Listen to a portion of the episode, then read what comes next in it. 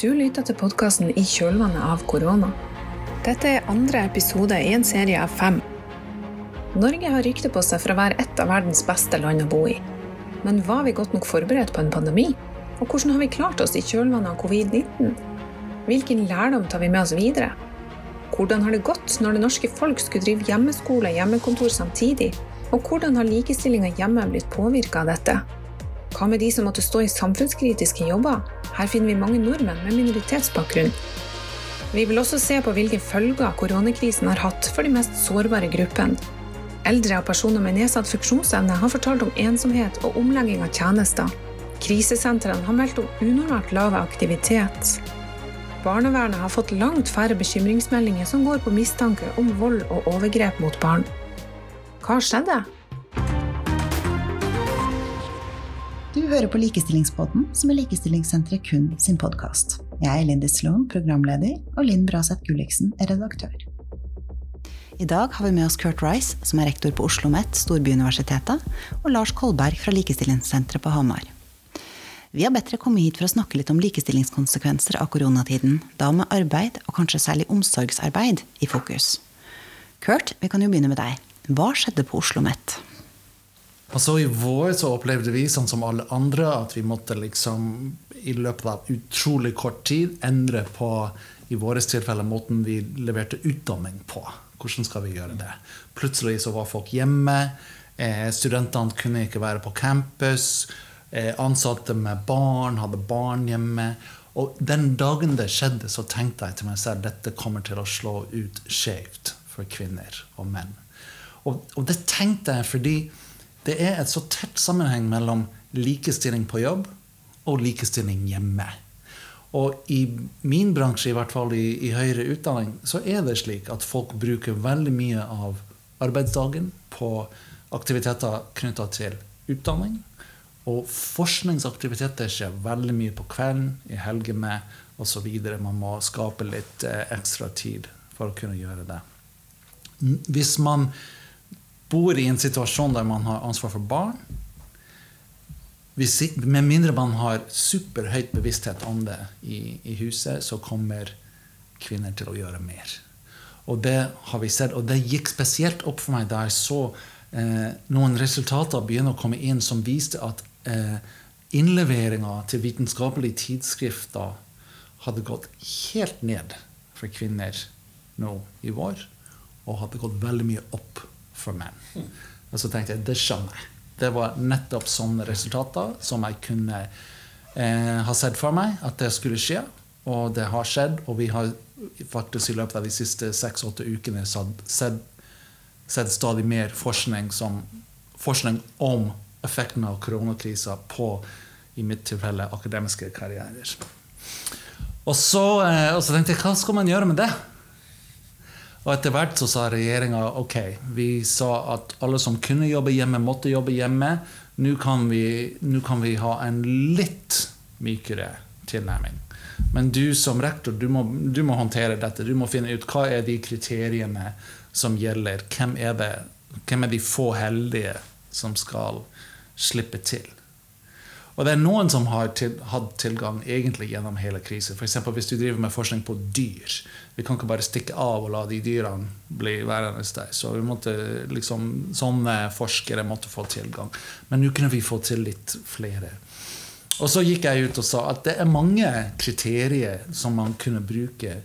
Men ett kriterium som er helt legitimt å bruke hvis noen skal søke om å få tilgang til kontoret sitt, hvis de sier at vet du hva, Hjemme så får jeg ikke gjort noe som helst. Jeg har tre unger som ikke er på skolen, ikke går i barnehagen. Eller de har begynt å gå i skolen, men de går på forskjellige tidspunkter. alle sammen. Jeg klarer ikke å koordinere dette. Så har jeg en partner som er definert som essensiell hos sin arbeidsgiver, sånn at vedkommende er borte hele dagen. Hvis jeg kunne bare fått tre timer om dagen på kontoret, så hadde det betydd utrolig masse for meg. Så sa jeg vet du hva, det er legitimt. Det er legitimt at noen sier det. Og gitt de mønstrene som vi kjenner så godt til i samfunnet, så vil det som oftest være kvinner som, har, liksom, som befinner seg i den situasjonen. Ikke bestandig, men som oftest. Så da, hvis man ønsker å delta i en debatt, så skal man av og til sette ting på spissen. Så gikk jeg ut og sa at jeg syns at vi skal la kvinnelige kollegaer komme tilbake først. Eh, med utgangspunkt i alt som vi vet om likestilling hjemme. Så det var et forslag som jeg kom med, og nå sitter jeg her. Så det syns jeg fungerte utmerket. Men vi gjorde det faktisk. Så vi, vi, hadde en liste med kriterier. Og det var mange forskjellige ting. Det var ikke så enkelt som kvinner får lov til å komme tilbake først. Men det var at likestilling hjemme er et legitimt kriterium å se på når, man, når en leder skal bestemme hvem det er som får tilgang til kontoret sitt. Lars Kolberg, ja. du satt på Likestillingssenteret på Hamar da dette her skjedde. Og dere slengte dere rundt og satte i gang en undersøkelse om akkurat det Kurt snakker om. Ja, nærmest akkurat dette eh, ble vi nysgjerrig på. Og så var vi også vi i den situasjonen da, at plutselig over natta så var jo alle våre daglige oppgaver nærmest borte. Kurs og foredrag og alt blir liksom avlyst på en uke. nærmest tom kalender. Hva skal vi finne på nå? Eh, så hadde vi sånne daglige Teams-morgenmøter og sånn til vi, vi, kollegaene der. Så kom denne ideen opp at hva skjer med likestillingen på hjemmebane nå? Hvordan ser det ut? Eh, og Det kan man jo gjette og tenke mye om. Så tenkte vi vi, vi får sannelig utført en spørreundersøkelse. Eh, så da fikk vi opinionen til å gjøre en undersøkelse hos norske par vi spurte om hvem har normalt ansvaret for ulike typer oppgaver. Og Da baserer vi oss jo litt på tidligere tidsbruksundersøkelser hos SSB og sånne ting. Og tror vi klarte å lage en sånn noenlunde fornuftig liste over det eh, par må drive med. En familie, eller med eller uten barn, da, men par som bor sammen. Disse tingene her må de drive med. Husarbeid, matlaging, eh, innkjøp, vedlikehold reparasjoner. Har man barn, må man drive med stell og passe barn, Eh, hjelp til skolearbeid, lek og aktivisering. Eh, og normalt selvfølgelig også bringing hensyn til fritidsaktiviteter. Så dette er ting vi tenker at ja, i hvert fall disse tingene her må man nå drive med. da. Vi har da ikke spurt om fritidssysler, TV-bruk og sånne ting. ikke sant? Da spurte vi hvem har normalt ansvaret for dette, eh, og hvordan har dette endret seg nå etter 12.3. Akkurat rett før barnehagen åpnet igjen, fikk vi kjørt ut disse spørsmålene. Si, Vi som sitter her da, og kjenner feltet, blir jo ikke veldig overrasket over disse funnene. selvfølgelig. Men det er noen ganske interessante ting der. Eh, og Det støtter jo veldig mye opp om det du snakket om. da, ikke sant? Eh, det er flere interessante ting. Eh, og det, det første jeg har lyst til å si, da Vi snakker jo bare løst og fast om dette nå, gjør vi ikke det? da? Eh, det første jeg har lyst til å si er at, som jeg synes er interessant, Menn syns i mye større grad at hjemmesituasjonen er likestilt enn det kvinner syns. Det syns jeg er et interessant sånn første inntak. Hvorfor er det sånn? Det kan vi snakke mer om etterpå, gjerne, men det synes jeg er litt sånn gøyalt. Men så finner man selvfølgelig da at kvinner i mye større grad enn menn føler at de har hovedansvar for en rekke av de oppgavene som skjer hjemme. Det er ett unntak. Dere klarer sikkert å gjette hva det er. Hvis dere husker omtrent hva jeg snakket om? Stellabil. Ja, egentlig. Alt som foregår utendørs? Vedlikehold og reparasjoner. Som ikke er noe særlig nøyere spesifisert. da. Men det er jo det, altså byggevarekjedene har jo snakket om det. Det har jo vært kø blant de som skal bygge terrasse i tiden etter 12. mars. ikke sant? Det er jo mannfolka da, gjerne som står på byggevare og skal det. ikke sant? Vedlikehold og reparasjoner skiller seg ut, men det er den eneste oppgaven som skiller seg ut. Hvor både menn og kvinner ja, jeg snakker litt i store bokstaver da, både menn og kvinner er enige om at de har menn og hovedansvar for. Eller så mener kvinner i mye større grad enn menn at de har hovedansvar for alle de andre oppgavene. Akkurat den transporten er også litt delt. Ikke sant? Eh, så, så, det, er det første. Normalt så mener vi det er sånn. Det er mange, mye å diskutere her. Men så spurte vi om hvordan har dette endret seg um, etter 12. mars. Uh, og så har vi noen sånne kontrollvariabler på om man er i arbeid og en masse sånne ting. Men ålreit, hvordan endret dette seg etter 12. Og da finner vi selvfølgelig uh, Det enkleste svaret der er jo selvfølgelig Det er to Én oppgave har jo falt helt bort. Henting og bringing fritidsaktiviteter for barnefamilier. Den er helt borte, selvfølgelig. For det er ikke noen fritidsaktiviteter å hente og bringe til lenger. Man har vært hjemme. Eh, også innkjøp av dagligvarer har gått kraftig ned. Ikke sant? Så norske familier har spart inn en masse tid. Ikke sant? Den tids og økningen i tidsbruk ser man på både menn og kvinner bruker mer tid på egentlig alle de andre oppgavene. Litt sånn skjematisk så bruker de mer tid på alle oppgavene. Men når man ser på hvem som bruker mye mer tid, så skiller kvinner seg ut hele veien. Ikke sant? Igjen så er vedlikehold og reparasjoner det er noe annet. Men på alle de klassiske husarbeidtingene, um, matlaging, husarbeid og sånne ting, uh, og også på stell, pass av barn, hjelp til skolearbeid osv., så, videre, så er det kvinner som skiller seg ut. Så de sier de har hovedansvar, de syns de har hovedansvar, og de bruker i mye større grad mye mer tid i den situasjonen som har vært, med uh, mye hjemmekontor, med hjemmeskole osv. Jeg så noe jeg så noe, jeg tror det var et sånn New York Times-undersøkelse som, som, som, ligner veldig på det som du snakket litt om, Lars. og det var at i, i, i heterofile par så spurte de hver for seg um, Syns du jo at eh, arbeidet hjemme er rimelig balansert? Ikke sant? Og det var 80% av mannfolka som sa ja, det er balansert, og 10% av kvinner som sier det. Så det, det, er, noe, det er, noe, der um, som du også stiller spørsmål om. Liksom, hvorfor det? Hvorfor, liksom, hvorfor, har vi så dårlig eh, selvinnsikt når det gjelder det bidraget som vi gjør? Hjemme? Er det at vi bare ikke ser det? Er det at det er noen ting som kvinner gjør som menn bare ikke anerkjenner som arbeid? Altså, det er liksom to hovedforklaringer der, tenker jeg. Og Det ene er jo liksom at det er en masse oppgaver i hjemmet som menn ikke vet om. ikke sant? Masse ting som kvinner holder på med. Og det er denne, hvis dere kjenner den tredje skiftet-tankegangen. ikke sant? Mm. Det å vite om og holde oversikt. Vite når naboens barn har bursdag. Det er masse sånne ting som menn ikke vet at fins. så der kan det være noe.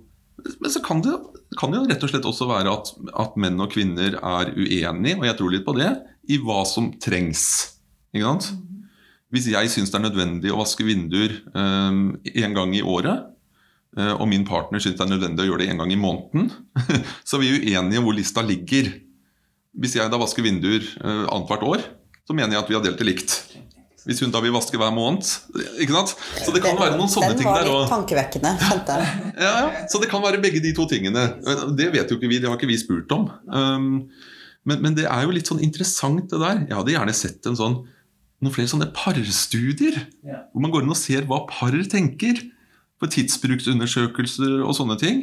Når Bufdir har gjort noen studier på omsorg for barn, og sånn, så viser egentlig akkurat det samme mønsteret. Vi vet ikke helt hvorfor. Jeg synes det er kjempeinteressant. Men jeg tenkte jo også at Folk treffer jo gjerne hverandre på jobb. Så det er ganske mange som er gift med folk i samme typen posisjon. Og det er jo gjort den eh, fantastiske undersøkelsen til hun eh, Sigtona? Sigtona Halrenjoja, som går på dette med folk som har samme utdanningsbakgrunn. Ja. Og så får de barn, og så skyter hans karriere fart, mens hennes står stille. Det er vel advokater og sivilingeniører hun ser på. Men hvordan hadde det vært med vitenskapelige ansatte? Ikke sant? Jeg, jeg så nylig på den eh, dokumentaren med Michelle Obama. Og hun sier bare rett ut og så Vi var begge eh, advokater, jobba oss oppover, og det som endra alt, det var at ungene kom, og så skjønte jeg jeg får ikke dette til. Ja. Så jeg måtte parkere. Han ble president, men hun ble populær. Men, eh, men eh, det tror jeg er en veldig typisk eh, situasjon. Og én ting som jeg også har registrert i sånne situasjoner, det er beskriv, den beskrivelsen man har av å ha dårlig samvittighet. Mm. Eh, liksom at, at, man kan lese om kvinnelige professorer som prøver å skjerme tid til forskning, men som tenker på all den vindusvask, men ja, antageligvis barne, barnetid som de ikke får til. Mens, mens gutta ser ikke ut til å slite så fælt med den dårlige samvittigheten. Det er også noe som vi Så det er mye forskning som må gjøres her. ikke sant? Ja. Hvis vi går en generasjon tilbake, så var det jo tatt litt for gitt at menn skulle ha en krevende jobb og egne seg til jobben. og Du skulle ikke tenke på at du hadde familie, f.eks.? Nei, i hvert fall professoryrket er nesten bygd med en forutsetning om at det er en kone i bildet. Og da mener, da, da mener, jeg ikke ektefelle, jeg mener en som har den jobben om å være kone. Ja, ja. ikke sant? Mm. Og Det er den andre, det er flere av disse funnene fra, fra Sigtona Hallrynjo som ser på disse karriereorienterte. Eh, hvis jeg husker dette riktig, da, så finner hun egentlig at best case scenario for kvinner det er å ha en partner som tar like mye ansvar hjemme. ikke sant? Det er egentlig worst case scenario for mann i disse parene hun studerer. ikke sant? For, for, det beste for menn, det er jo egentlig det som mange opplever, er at de har en partner som tar mye mer ansvar hjemme. det opplever aldri kvinner, men de tar ofte mye mer selv. Så, så, så, det er en forskjell her. Og finner, det er det vi finner igjen i til den studien også. Og så glemte vi dessverre å spørre om én ting, som jeg angra veldig på da jeg fikk tilbake dataene. Vi skulle jo spurt om selvfølgelig hvordan ser arbeidssituasjonen din ut nå? det glemte vi litt, for det er jo litt viktig. Nesten alle har hjemmekontor. Vi spurte litt om samfunnskritiske jobber og sånn. Og vi spurte om permitteringer. Um, og det er ikke noe her som tyder på altså Menn har i noe større grad hjemmekontor. Menn er i noe større grad permittert i det utvalget vi har. Kvinner er i noe større grad i samfunnskritiske jobber. Så det er ikke noe som tyder på her at her er kvinnene de er bare hjemme og gjør husarbeid. liksom. Her jobber man omtrent like mye. Det tyder alt på. Så kan det jo selvfølgelig være noe da, at og det tror jeg ulike typer jobber de de veldig, fungerer ulikt på hjemmekontor. Jeg tror noen kan ha en ganske mye mer behagelig hverdag på hjemmekontor. Hvor man har tid til å stelle barn og lage mat og vaske vinduer og liksom kan slappe av mer. Mens noen tror jeg har mye mer krevende jobb på hjemmekontor. så, der er det noen nyanser som vi heller ikke fanger opp. Da. Um, men ja, men altså, det er ikke noe som tyder på her at kvinner jobber mye mindre. og sånt, noe, ingenting i, Og det, det, slår ikke ut heller heltid, deltid og sånn. Slår ikke ut på noen variabler egentlig på tidsbruk. Så det tyder rett og slett på at kvinner føler mer ansvar og tar mer ansvar når det er mer som må gjøres hjemme. Ikke sant? Og det er jo grusomt å tenke på. Vi er verdens mest likestilte land, omtrent vi er gode på kjønnslikestilling, vi har holdt på lenge, så er det ikke bedre enn dette her. Det Men samtidig, altså, jeg syns jo det har skjedd forferdelig mye med mannsrollen de siste 20 mm. årene som jeg har jobba i likestilling. Mm. Altså, hvor mye mer menn er involvert og ønsker å være involvert. Og særlig da i omsorgsarbeid.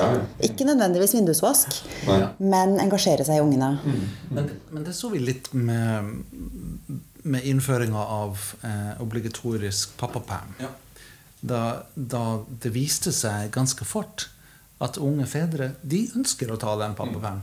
Ikke sant? Og arbeidsgivere som trodde dette er bare ikke liv laga, vi får det ikke til, vi klarer oss ikke uten dem det, altså De kunne komme med de argumentene og gå i en dialog med regjeringa, men poenget var at disse arbeidstakerne, de mannlige arbeidstakerne, de sa hei, jeg har denne rettigheten, det ønsker jeg faktisk å benytte meg av. Og det ser jeg også i, hos oss, at eh, jeg, har en i en viktig lederstilling som kom til meg liksom et halvt år etter han starta, og han sa Kurt, jeg har en liten utfordring her. Jeg har eh, et par måneders pappaperm på bok. Hva skal jeg gjøre? Så sa jeg du skal ta den pappaperm. Det er det som du skal gjøre. Ja, men jeg har nettopp starta. Ja, nei. Altså, vet du hva? Vi overlever.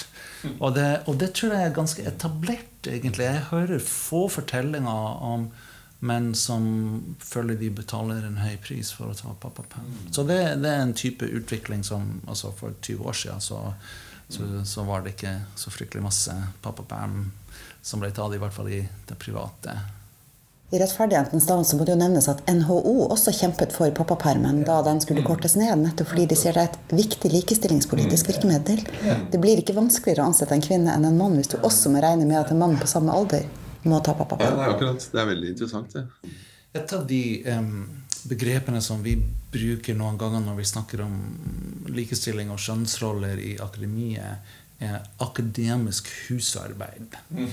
Altså de, de, små tingene som må bare gjøres. Det kan, det kan handle om å eh, rigge et rom til et møte. Det kan handle om at noen må plutselig ta litt ekstra undervisning fordi en kollega er syk, eller, eller whatever. Eh, det kan handle om å, å, å, ta på seg litt mer av ting og tang. Og så Um, og så er det gjort noen undersøkelser som viser også f.eks. at på et universitet at en instituttleder fortere spør en kvinne enn en mann om å ta på seg disse her små ekstratingene som vi kaller for akademisk husarbeid. Så da, da får du en situasjon der for det første så har, du, så har, du, faktisk husarbeid som kvinne, der du tar på deg mer av det enn en menn gjør. Og så har du dessuten i, i den domenet som skal være jobben din, så blir du også pålagt, eller du, eller du stiller opp og tar på deg akademisk eh, husarbeid. Og, og det, var, det, tenkte jeg litt på da du, da du sa at liksom, det er ikke sånn at kvinner jobber mindre. Og det, det er også mitt inntrykk. Det er ikke sånn at kvinner jobber mindre. Men det som jeg nevnte tidligere om reduksjon i forskningsproduksjon hos kvinner, er delvis, tror jeg, fordi undervisning plutselig altså Man måtte virkelig omstille seg raskt for å levere, levere utdanning eh, til studentene. Og kanskje er det sånn at kvinner tok på seg mer av det arbeidet der. Eh, ifølge mønstrene som vi har sett andre plasser. Det er litt kjipt å, hvis man skal konkludere at eh, dugnadsånd slår veldig forskjellig ut. Eller at menn er dårligere til å melde seg på dugnad. Er det som er saken. Altså, jeg liker ikke sånne stereotyper, men, men uh, samtidig så ser vi resultater, ikke sant? Ja. Så kan man også tenke seg, da Igjen så er det noe data som vi mangler, egentlig. Uh, men det SSB alltid har funnet i SIS-bruksundersøkelsene sine, det er jo at menn og kvinner de bruker sånn omtrent på minuttet like mye tid summen av lønnsarbeid og husarbeid. Ikke sant? Så det er ikke sånn at menn eller kvinner ligger mye mer på sofaen. eller noe sånt nå. Summen av lønnsarbeid og husarbeid er omtrent det samme. Menn jobber mer ute, kvinner jobber mer hjemme. Ikke sant? Bruker mer tid. Ikke sant?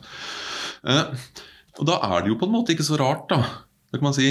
Eh, du sa i stad at, at, likestillingen i hjemmet og likestillingen i arbeidslivet henger sammen. ikke sant? Det er åpenbart at det gjør det. Eh, og så kan man si Nå sier jeg ikke at det er riktig, eller noe sånt at det er sånn, ikke sant?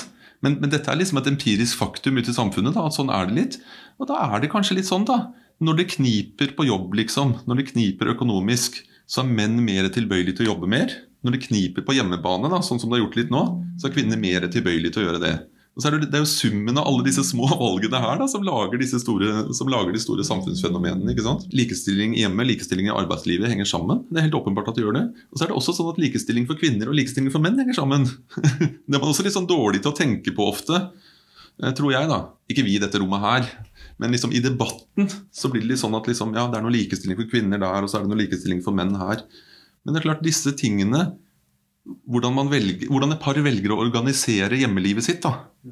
Hvem som tar ansvar for hva, har jo en betydning for hvordan de kan organisere arbeidslivet sitt. Og det slår inn for både menn og kvinner. Det slår inn på, kanskje man typisk da, slår inn på kvinners muligheter til karriere. Hvor mye man yter ekstra hvis man skal ta doktorgrad eller bli professor. eller sånn, ikke sant? Man skal jo ikke bare liksom gjennomføre en jobb. Man skal jo virkelig sier jeg som har hoppet av en doktorgrad en gang fordi det ble for mye. det, det krever jo utrolig mye. Så der ser man det kanskje på kvinner.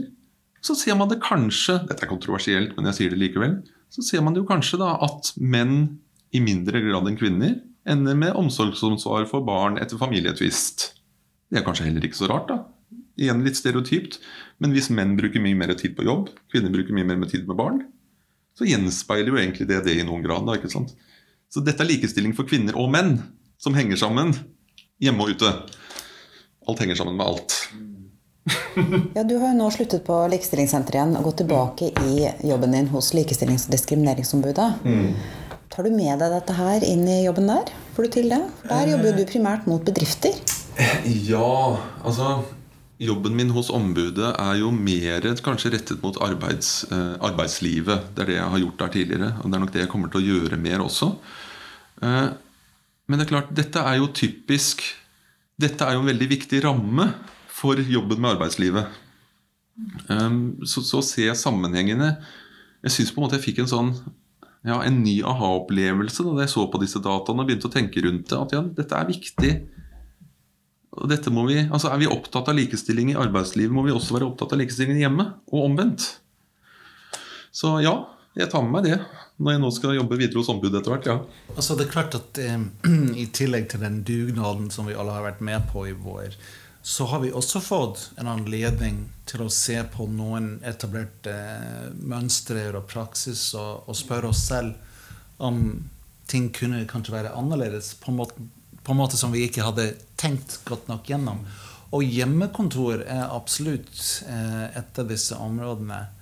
Jeg lurer veldig på om flere av de som jobber på Oslo OsloMet, har tenkt at når ungene er på skolen, når den delen av samfunnet fungerer bra, hadde jeg kanskje kunne fått gjort litt mer hvis jeg hadde en hjemmedag. Det er mange professorer som har en hjemmedag, men det er få som jobber administrativt, som har den muligheten. Kanskje, kanskje jeg i min rolle bør spørre mine kollegaer hvis du kunne, hadde du likt å ha en dag hjemme? Fordi altså, det er Folk har levert i veldig stor grad på jobbene sine, og spesielt de som jobber administrativt. De leverer på jobbene sine også i vår. Det er ikke sånn at vi, at vi sitter der og lurer på hvordan skal vi få den jobben gjort. Folk stiller opp, de gjør en jobb. Um, og kanskje det er til og med sånn at man får noen flere timer uten forstyrrelser hvis man sitter hjemme. Så det kan hende at det fører til noen endringer. Eh, og det er klart at um, i, spesielt i Oslo-området, der, der, vi må tenke f.eks. på effekten av å bruke kollektivtransport og smittefare og sånt, mange som kommer inn til sentrum med tog osv. osv. Kanskje noen av dem tenker at vet du hva, altså, det er fremdeles en risiko her. Jeg hadde egentlig likt å jobbe hjemme. Eller digitale møter. Altså, på noen måte så har jeg blitt veldig glad i digitale møter. Folk er litt mer beherska. Det går litt mer eh, effektivt. Det er ikke bare dumt. Så jeg spør meg selv om jeg skal ha i hvert fall noen av mine møter skal jeg ha digitalt, digitalt eh, fremdeles. Så eh, vi kan begynne å gå over i en fase der vi prøver å finne ut hva er det som egentlig har fungert bra mm. i vår. Hva er det som kunne redusere det presset som, som, mange kjenner på når de skal få alt til å gå opp? Jobb og hjemme og alt det der. Tenk om du kunne spare to timer om dagen ved å slippe å reise én eller to dager i, uka. Altså, det er ikke småtteri, det. Så jeg tror, at, jeg tror det kommer til å bli endringer og i, i vår situasjon, måten vi underviser på. Så vi kan, vi kan, få noe positivt ut av dette også når det gjelder måten vi jobber på, og når det gjelder måten vi balanserer hjem og, og jobb på. Du hører på Likestillingsbåten, som er Likestillingssenteret kun sin podkast. Jeg er Lindy Sloan, programleder, og Linn Braseth Gulliksen er redaktør.